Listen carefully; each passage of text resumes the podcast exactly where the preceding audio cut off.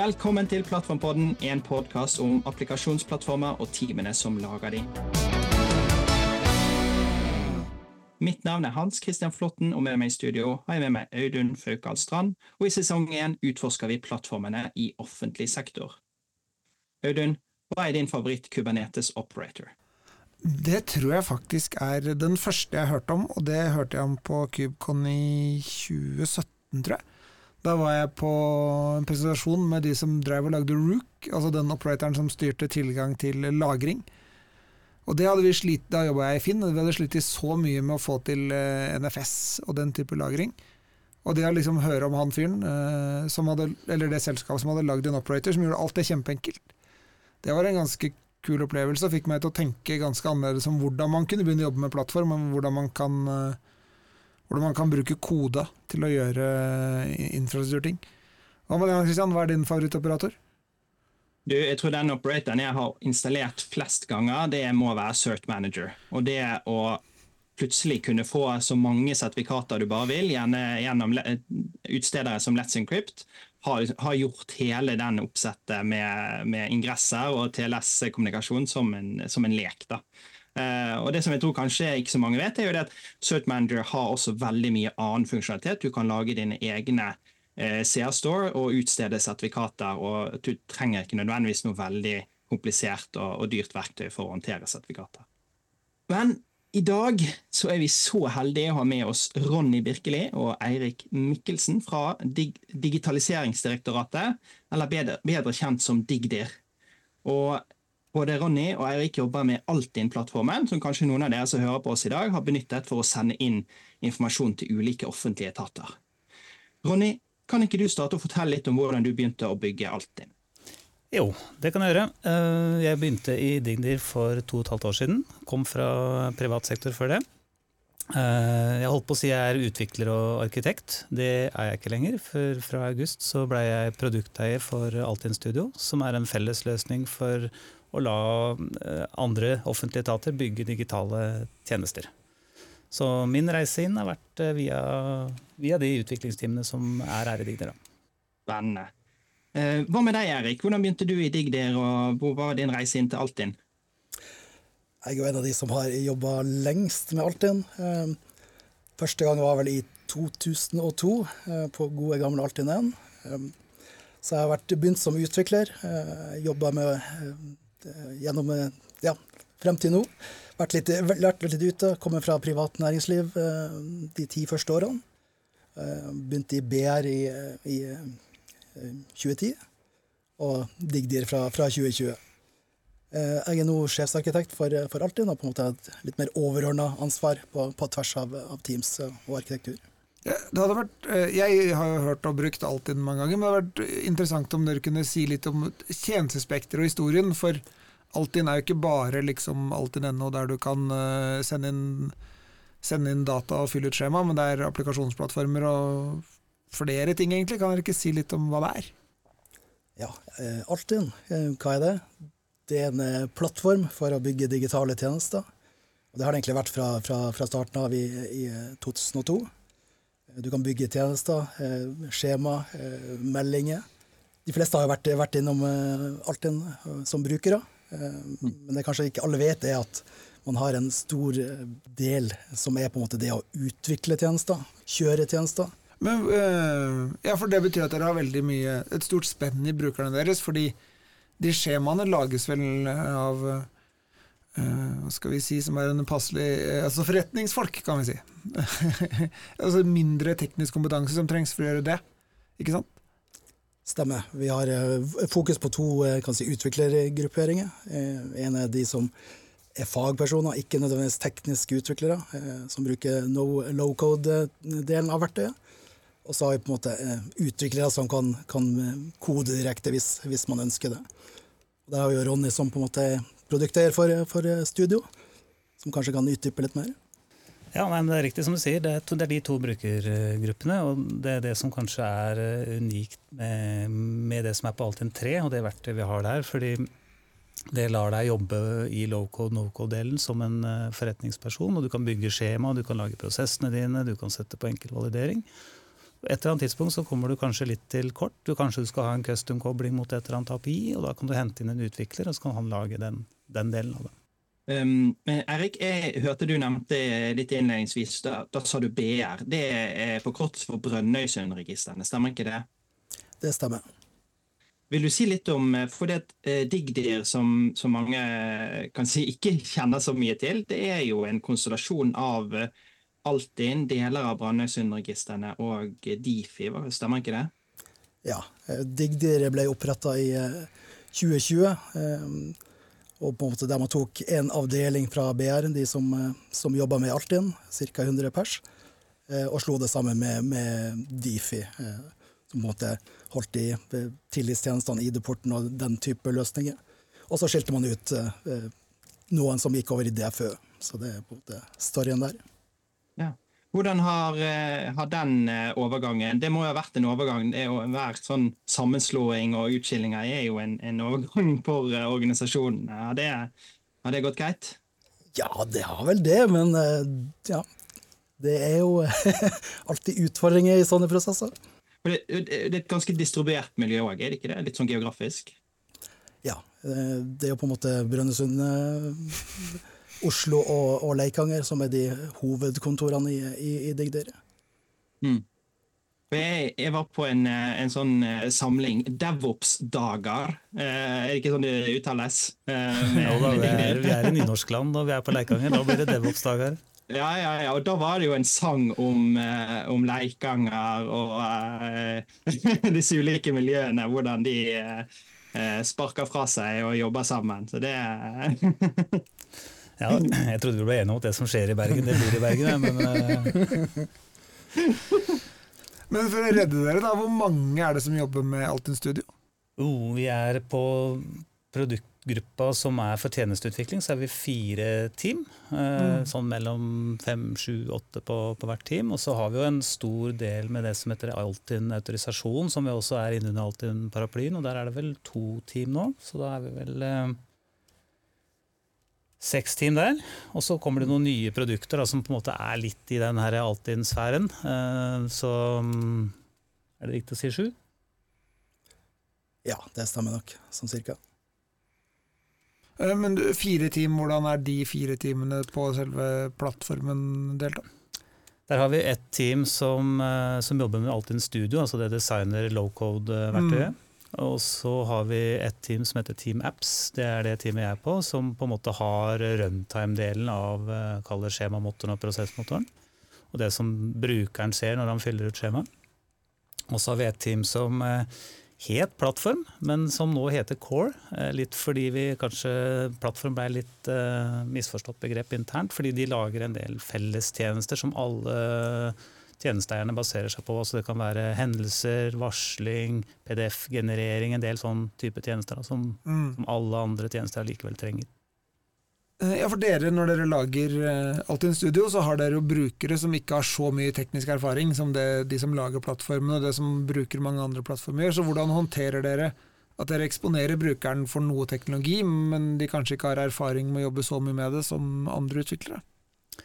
Det er riktig, og vi prøver jo å bake en del av det inn i Altinn Studio i verktøy i seg selv. Eh, vi bygger jo på felles designsystem, så det tar jo unna en del av disse kravene. Eh, I tillegg så prøver vi på en måte å kommunisere best practices, for det er jo selvfølgelig mulig for en, en hvilken som helst bruker egentlig å gå feil i forhold til tilgjengelighet og bygge skjema eller løsningen sin på en sånn måte som gjør at de ikke oppfyller alle kravene. En del av det tar vi unna med at vi bygger på felles designsystem. Eh, I tillegg så prøver vi å komme med en del prinsipper og guidelines i, eh, i verktøyet, og også legge til, verktøy, til rette verktøy for at du, det skal være lett å gjøre rett. Du skal på en måte ikke lage ting som, ikke, som er tilgjengelig og ikke oppfyller de kravene der. Da. Du nevner felles eh, designsystem, og det syns jeg er veldig spennende. Og Der eh, har det vært litt samarbeid mellom DiggDir og andre etater. Vil du fortelle litt mer om det? Ja, det kan jeg godt gjøre. Det var jo et arbeid som eh, vi, si, vi som alle andre starta jo internt med å lage vårt eget designsystem, både på Altinn, og så begynte vi litt eh, på, i det andre miljøet, på de andre fellesløsningene vi har også. Og så tenkte jeg det her kan vi ikke holde på med, vi kan ikke lage to, så vi lagde ett. Eh, og I tillegg så begynte man å tenke ja, men det er ganske mange andre som også ønsker å, å ta i bruk dette her, og ikke lage det selv. Og så er det jo en del andre, inkludert Nav, som da har lagd egne designsystem. Så da gikk vi ut og så løfta vi det litt opp, og så tok vi kontakt med andre etater. Og så har man egentlig kommet i gang med et sånt samarbeid da, på tvers av offentlige etater. Og det syns jeg er veldig bra. Kjempekult. Og det ligger vel på designsystemet.no, stemmer ikke det? Jo, det stemmer. Ja, ja. Det er veldig kult. Jeg tenker det, Her må vi jo bare dele, dele, erfaringer, og det at det er åpent og det at det er tilgjengelig, og at her kan andre benytte seg av det, det tror jeg er veldig forbilledlig. Absolutt. Ja, da tror jeg vi var inne hos Nav og stjal rått og uhemma en del ikoner og bygde videre på det, på det dere har lagd. Så det mm. Men for å bygge litt videre på deling, så er jo veldig tilgjengelig det dere har gjort rundt uh, Altinn Studio. Både dokumentasjonen ligger ute, dere bruker mye GitHub. Det virker jo som at det er mye sånn uh, at man ønsker å være åpen, man ønsker å fortelle om hva man gjør, og, og kanskje også tilrettelegge for å få litt uh, input fra andre òg. Ja, det er egentlig det er faktisk et prinsipp vi følger. Alt vi utvikler skal deles åpent som, som åpen kildekode på GitHub. Vi baserer altså det vi bygger plattformen på, eh, skal være åpen kildekode. Eh, vi tenker at det å dele og gjenbruke på tvers i, i det offentlige Norge eh, er utrolig viktig. Det er eneste måten å på en måte få skalert det her på, uten å kaste bort for, for mye midler egentlig, på, på, å lage det samme om og om, om, igjen. Ja, det er helt supert. Det å bygge på, videre på åpen kildekode, hva, hva slags åpen kildekode er det, er dere baserer dere på i Altinn 3? da? det er jo alt fra kan du si, Kubernetes eh, helt, eh, helt nede, til eh, Linux i, i containere, til .net som kan si, applikasjon. Så, så alle lag egentlig er, er åpen kildekode. Også mm. kan du si utviklerdelen, VS Code, er på en måte noe vi, vi tenker er en bra idé å benytte. Så man skal kunne både utvikle og Eh, kan si, kjøre Altinn-løsninger eh, uten å være avhengig av eh, kommersiell programvare. Det er sånn at det bruker sky, ikke sant? Azure? Stemmer. Ja. Og kan jeg nevne i, i den forbindelse, altså, vi bruker jo skytjenester, og på en måte manager skytjenester for, for å enkle drift og, og, sånt hos oss. Men vi foretrekker jeg kan si, skytjenester som er basert på åpen kildekode. Mm. Postgre, f.eks., som, som database. Ja. Men hvordan er, eh, hvordan er, Hva er det som møter en bruker når han skal lage en ny applikasjon på deres plattform? Hvordan er grensesnittet mot brukeren? For dere har, i motsetning til andre vi har snakka med, som ofte bruker YAML-filer, så dere har også et, eh, et, verktøy egentlig som dere tilbyr. Det må jo gi noen gode muligheter for å lage en enda bedre utvikleropplevelse. Ja, det gjør det. Altså det som første som møter eh, brukeren, er jo egentlig Altinn Studio, det webbaserte verktøyet, hvor du på en måte logger deg på med GitHub-kontoen din og velger å opprette en ny, eh, ny tjeneste eller en ny applikasjon. Og da får du med en, eh, si, en, mal fra oss som har en del standardting satt opp. Bl.a. autorisasjon, en del konfigurasjonsfiler for måte å bygge sider og navigering og bygge og støtte opp under prosessen. Og ellers så tilbyr jo verktøy da drag and drop for skjemabygging, datamodellering, prosessflyt, eh, teksthåndtering med språkressurser, tilgangskontroll osv. Så, du får på en måte litt eh, du får litt blanke ark, men du får også veldig mye verktøy med for å bygge, bygge tjenestene. Men da er det sånn at dere har på en måte en dere retter dere mot én type applikasjon med de verktøyene der. Altså en komplisert saksbehandlingsapplikasjon eller sånn, vil man ikke kunne lage der. Da må man eventuelt gå dypere ned i koden. Men er det, mm. er det også noe dere tenker man skal bruke Altinn til, eller er det liksom mer sånn bonus hvis man må?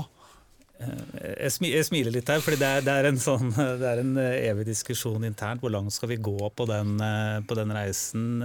For man skal ikke tråkke i beina på, på, på privat næringsliv og begynne å lage et saksbehandlingsverktøy og ta en del av det markedet. Samtidig er det veldig mange tjenesteeiere som trenger bare et veldig enkelt verktøy for å få innsyn i de dataene som, som brukeren har sendt inn, og lage noen enkle statistikker og ta de dataene litt videre og gjøre kanskje en sånn ja, enkle registerting, egentlig. Mm, hva, hva det, har dere noen eksempler på hvordan noen har brukt plattformen til å lage ganske sånn kompliserte ting?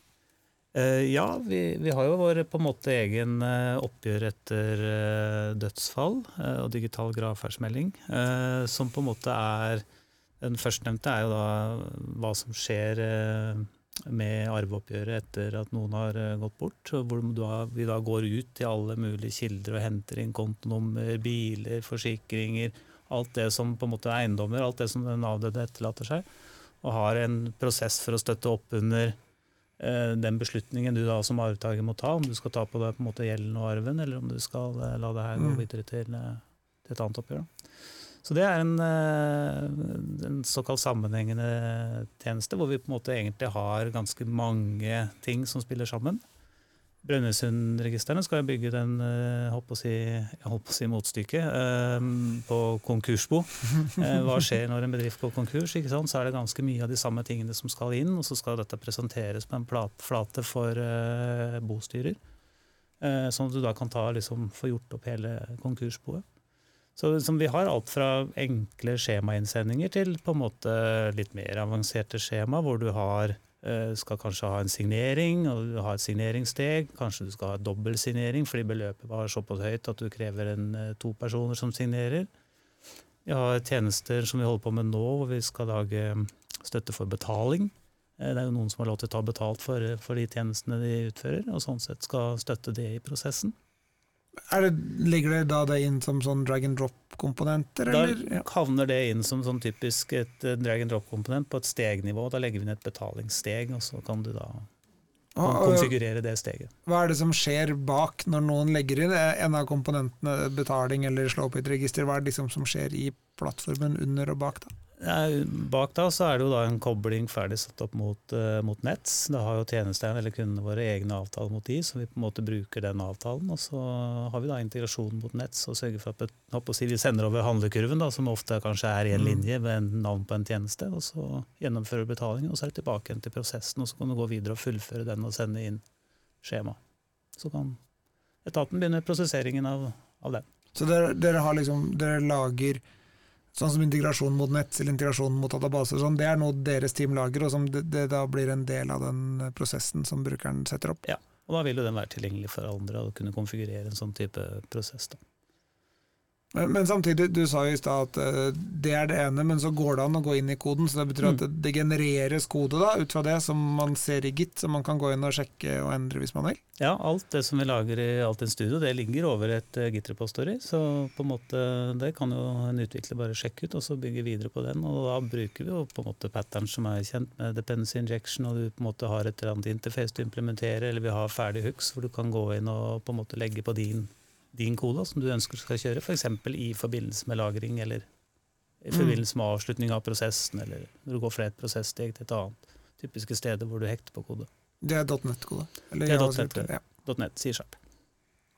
Eh, kan du kombinere det med å bruke Visivig-editoren òg? At du kan fortsette å, og kan si, eh, utvikle, utvikle, skjemaet ditt og, og komponent, de komponentene, samtidig som at du kan legge til egen kode ja, det kan du gjøre. Så du, du kutter ikke mm. snora fordi du går over til uh, egen uh, kode. Det er ganske greit skille egentlig på, hvor, på måte, hva du ender opp med å konfigurere. Det er typisk den 80% som vi har mm. konfigurasjonsfiler for, og du kan sette opp GUI og skjema alt sammen. Og så, så har vi typisk de stedene hvor vi vil og programmere litt. Da. Mm. Gjøre litt oppslag og kalle noe API-er og få på litt mer, fylle ut datamodellen kanskje basert på de verdiene. Hvordan er ansvarsforholdet på de applikasjonene? Jeg ser for meg at jo mer low-code, jo mer ansvar er det hos dere, og ikke hos de som setter det opp. Men etter hvert som folk begynner å kode sjøl, så er det vanskeligere og vanskeligere for dere å ta det ansvaret, kanskje?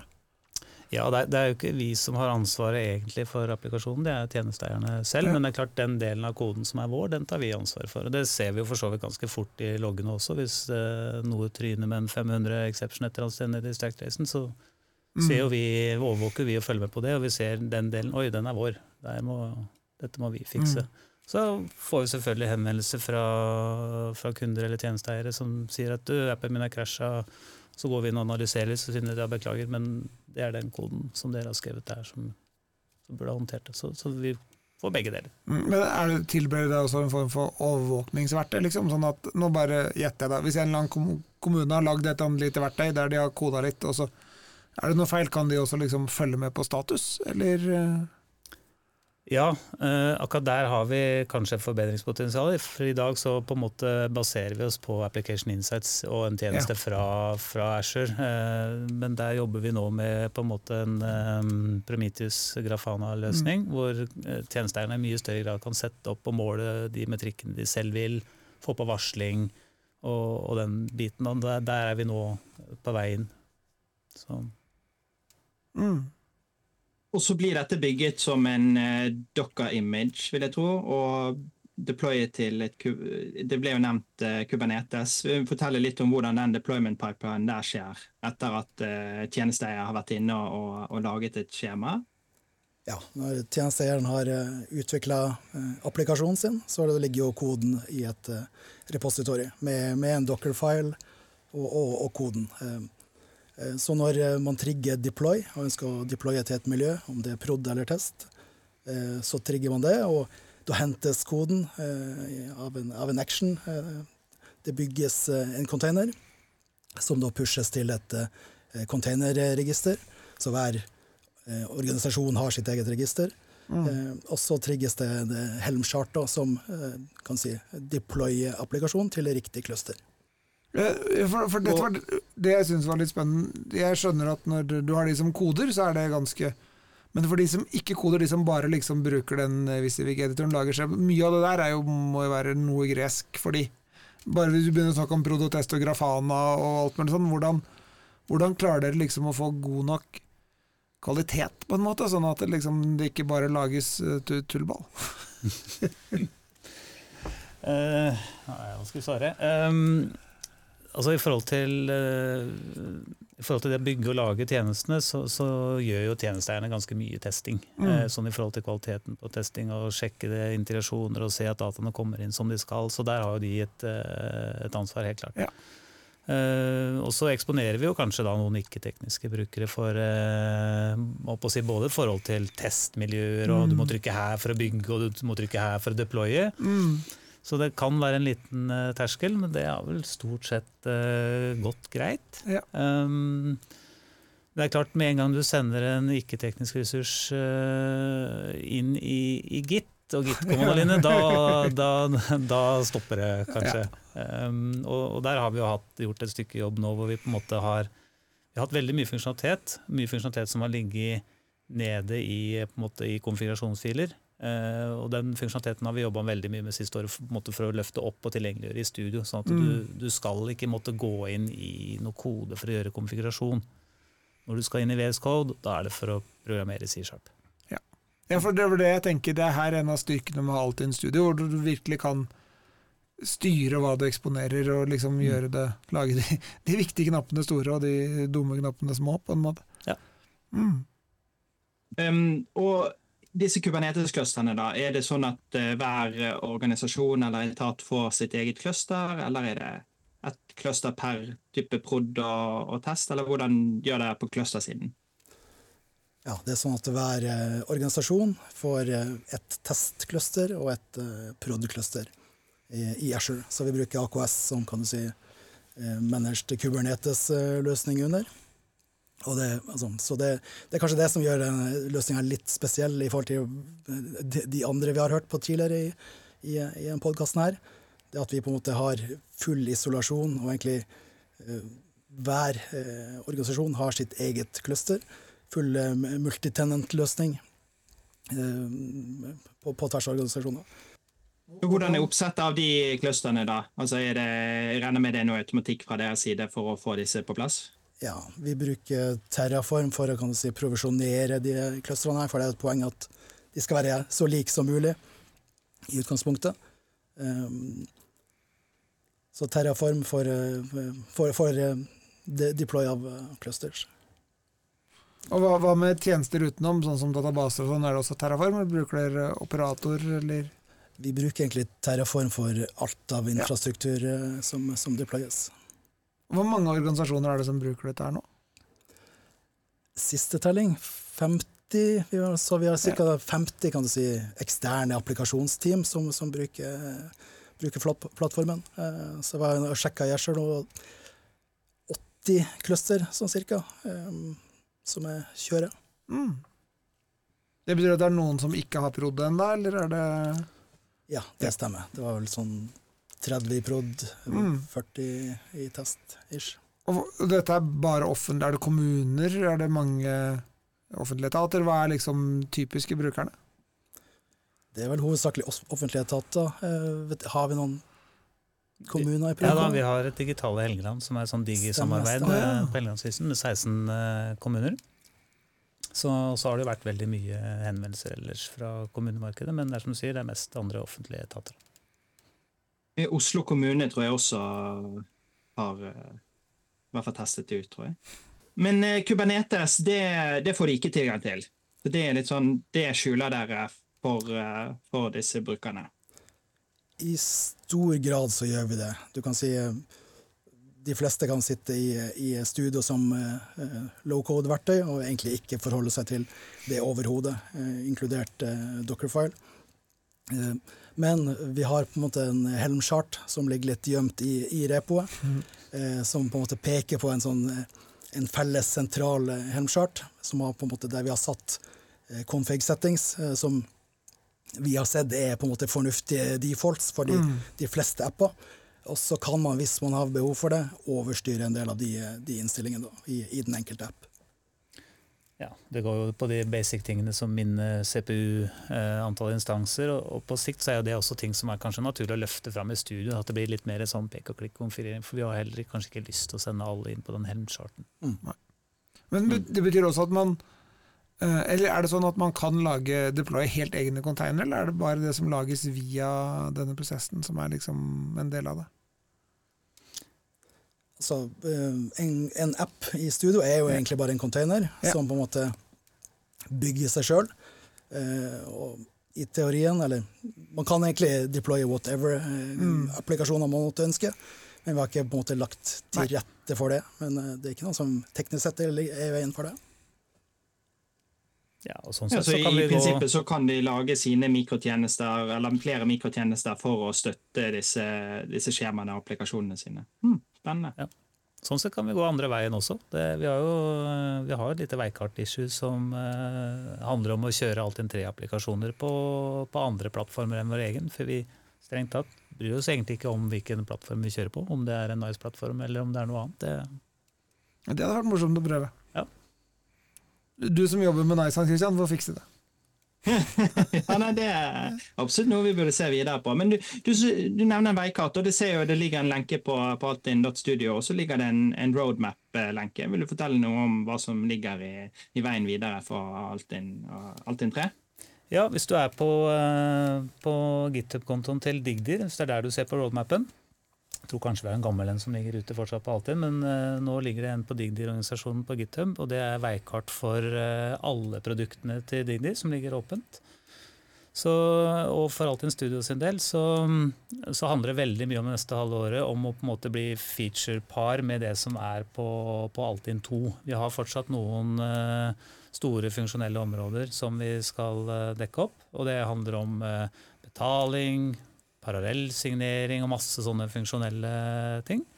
Så der er vi litt bundet opp det neste uh, halvåret, egentlig. Um, og så er det da andre ting som, uh, som den her innsikten vi snakka om i stad med Prometheus og Grafana, å få eksponert den innsikten til tjenesterne på en lett måte gjennom studio, sånn at de uh, kan kanskje se hovedtallene sine der, og så velge å drille seg videre inn på et Grafana-dashboard, hvis de skulle ønske det. Men nå sitter jeg og klikker inn på dette. Det er veldig gøy. Det er på, på github.com slash eh, digdir, og der er det da et eget repo for eh, roadmap. Og så bruker dere GitHub Projects. Det syns jeg er veldig kult. Jeg vil si noe om eh, Har du noen erfaringer selv, eh, hvordan det fungerer? Ja, jeg personlig er, var veldig happy når GitHub Project kom. Jeg kom fra på en måte Gira-verden en gang i, i tida, hvor på en måte issues var litt uavhengig av repos. Så det å få GitHub Project som på en måte kan ligge over mange rep, og samle på en måte alle issuene til et team, og på en måte lage forskjellige views og på en måte kjøre actions og sånn på de, det, det har vært veldig fornøyd med. Enkel måte å legge på litt custom-felter også, hvis du vil ha noe annet å rapportere på enn enn de standard GitHub-feltene. Bruker dere det veikartet også i kommunikasjon med bruker? Får dere egentlig mye feedback og krav tilbake fra brukerne som dere Ja, vi har kanskje ikke snakka så mye om det, men vi har egentlig hatt både på veikartnivå, og særlig nå når vi er i den prosessen med at vi skal være feature complete innen en viss tid, sånn at andre tjenesteeiere måtte klare å komme, få migrert sine tjenester, så finleser de rett og slett veikartet for å si ok, klarer Digner å levere til den datoen hvor jeg må begynne for at jeg skal bli ferdig? Så, så der på det nivået får vi jo veldig mye tilbakemeldinger. Vi har jo fått veldig mye tilbake, eller fått mye bidrag ellers også. Uh, og det er litt kult at hva du sa for noe, Erik? Vi hadde 2000 brukere på den Slack-kanalen vår med Stemmer. 2002 siste sjekka. Ja, 500 aktive siste måneden som på en måte er inne og på en måte spør og jobber med utvikling. Og, og mange av de bidrar også med open source, så vi har mange komponenter nå i studio som andre offentlige etater har lagd. Mm. Card-komponent, Eh, kartkomponent for plassering på ting geografisk. Eh, ja. UDI lagde språkvelger, støtte for høyre til venstre språk. Altså man kan velge å gå inn og lage de tingene man kanskje savner og mangler når eh, man ikke finner det i standard studio. Og hvordan er det man, Hva må man gjøre for å lage en sånn komponent? Annet enn en pull request, tenker du på? Ja, altså, ja, hva, er, hva, er, i pull requesten? Er det liksom Nei, det er, jeg si, på, Hvis jeg er på komponentnivå, så er det komponenten ja. som skal til for å på en måte rendre, rendre den. Og så mm. tar vi en Conriver, og så tar vi den, og så tar vi forvaltningen etterpå. Så du får lov til bare å drive med greenfield-utvikling. for alltid. Det er fint. Men eh, kunne Nav f.eks. tatt med sitt eh, designsystem og, og deployet inn i Altinn Studio? Er det noe problem med det? Eh, foreløpig nå så er det jo sånn at uh, de appene vi bygger, de har jo på en måte, vi importerer jo inn den uh, MPM-pakka fra designsystemet vårt. Uh, så vi har vel ikke håper å si, lagt til rette for at vi skal kunne dra inn andre designsystempakker der. Det har vi nok ikke gjort. Men ellers så er jo de ganske like. Da, så Skulle vi ikke bare ha ett ja. designsystem? Var det ikke det vi var enige om? jo, aller helst det. Men så vil jo gjerne de ulike etatene ha sin, liksom, sine farger, hvert fall, da, og kanskje litt sånn variasjoner. Er det mulig å, å ja. gjøre noen tilpasninger til, på layouten der, eller form og farge? Det er det. Um, på, måte på lavest nivå så legger jo designsystemet opp til theming support med på en måte font, farge, spacing-type ting. Eh, og så legger vi på toppen av det så legger vi på en måte logo på skjemaene. og på en måte Vi har, vi har ikke kommet så langt som vi vil ennå, men vi vil jo ha den theming-supporten inn i tjenesten også. Men vi har definitivt lagd tjenester som ikke ser ut som et Altinn-skjema. Valgkortet f.eks. var jo bare ja, det var det valgkortet. Var ikke det sånn litt rosa farge i bakgrunnen? eller sånt? Jeg husker ikke. Jeg kan jo ingenting om designsystem, men jeg tenker jo uansett at det, det å ha én ting er litt lite. Kanskje man kan ha to eller tre som liksom er, løser noe av det samme, så man mm. kan bli inspirert av hverandre. og Kanskje er litt mindre risiko for at noe stopper opp, og sånn, at man har mm. noen alternativer. Det mm. tror jeg er bra på mange ting. Norge er ikke så stort, men vi er stort nok til at vi kan ha liksom et par, tenker jeg. Ja. Da må vi få en støtte for sitt, Det Er det du sier. Så er dere på Altinn Studio. altså, jeg har ingen, virkelig ingen meninger eller makt eller myndighet over designsystemet i det hele tatt. Nei, da er vi to. Det er vi alle enige om. Vi nærmer oss uh, slutten og går inn for landing. Um, og da pleier vi å spørre om noen erfaringer fra når ting ikke gikk helt som det skulle. Om dere har noe å dele på når ting gikk litt galt, for der kan vi alle lære av. Ja, ting eh, går jo på trynet innimellom, eh, også hos diggdyr. Digdir. Kan jo bare først nevne at vi, vi kjører et opplegg der vi har postmortems etter type hendelser. Så vi har et eget github-repo med, med kan du si, issues som beskriver hendelsen, og hva vi lærer av den, inkludert pekere til kan du si, de andre repoene for konkrete forbedringer av løsningen. At feilen, samme feilen ikke skal skje, skje igjen. Tok og så gjennom den, den backloggen tidligere i dag. Og en interessant failure var kanskje det her med CDN. Vi har en egen CDN-løsning for å hoste statiske GUI-ting. Eh, Javascript og sånt. Og den gikk eh, plutselig ned. Eh, og det viste seg at si, underleverandøren til underleverandøren Eh, hadde trøbbel. Og der traff jo flere, flere løsninger enn en bare, bare Altinn Studio. Så viktigste læring der er jo at eh, CDN faktisk vi, Man må ha eh, flere CDN-løsninger. Man må ha fallback for CDN også. Og det er jo litt uh, ironisk, egentlig. Mm.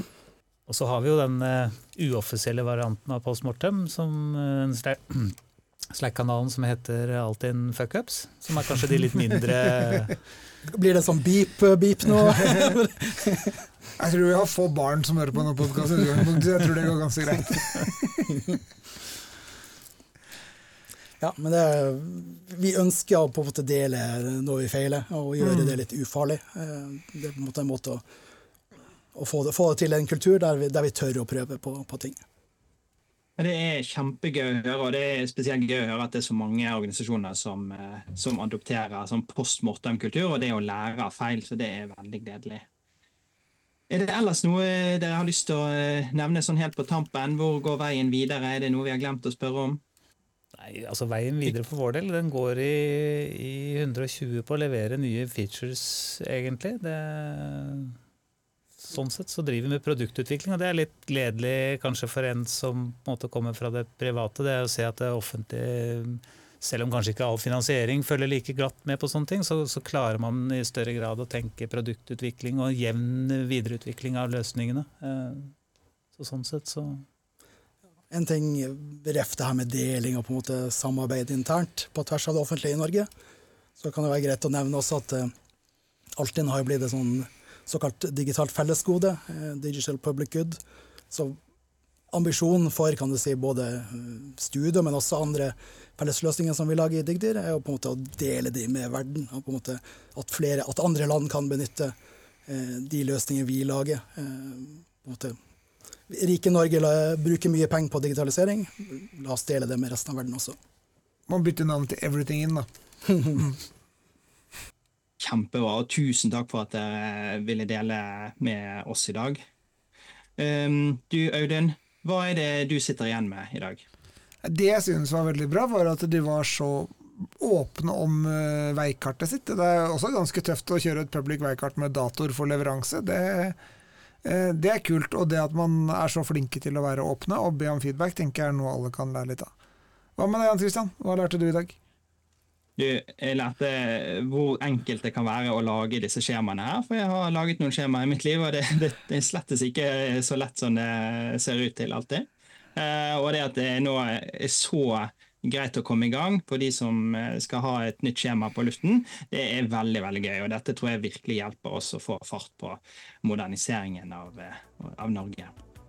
Og med det så vil jeg si tusen takk til Ronny Birkeli og Eirik Mikkelsen fra Digdir for at dere har vært med oss i studio her for å dele det dere gjør med Altinn.